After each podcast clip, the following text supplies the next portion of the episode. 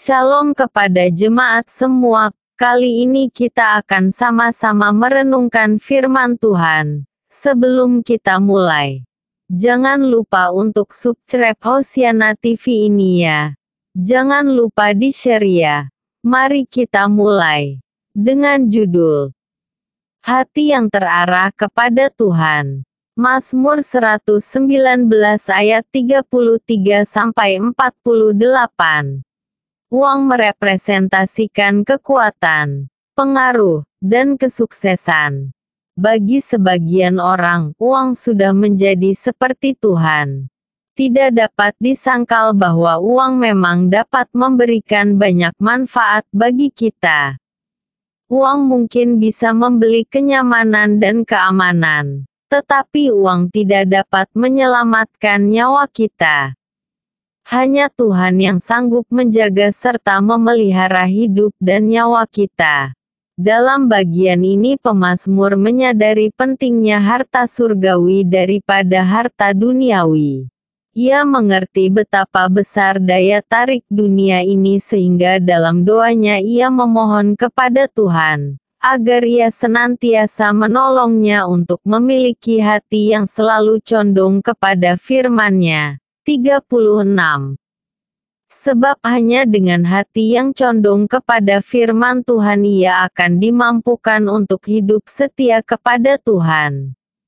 Nas ini memperlihatkan tingkatan kerinduan pemazmur terhadap firman Tuhan. 33 sampai 35. Dimulai dengan ingin melihat, memohon untuk dibuat mengerti, dan ingin hidup menurut firman itu.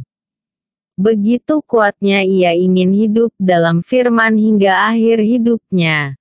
33, 44 Ungkapan-ungkapan seperti, perlihatkanlah kepadaku, teguhkanlah, buatlah aku, kondongkanlah, aku rindu dan aku hendak menjadi gambaran bahwa pemazmur betul-betul mengarahkan hatinya dan seluruh hidupnya kepada firman Tuhan.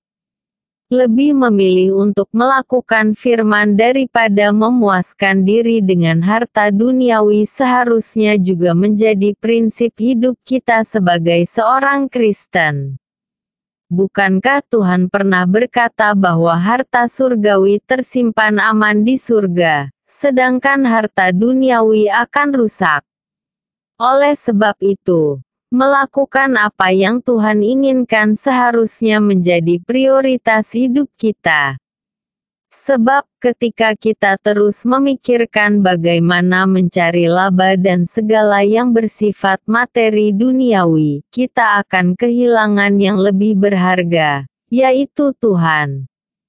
Kita tidak mungkin menjadi hamba dari dua tuan, karena itu, kita harus memilih. Materi memang dibutuhkan untuk menopang hidup, tetapi mengarahkan hati kepada Tuhan akan mendatangkan hidup.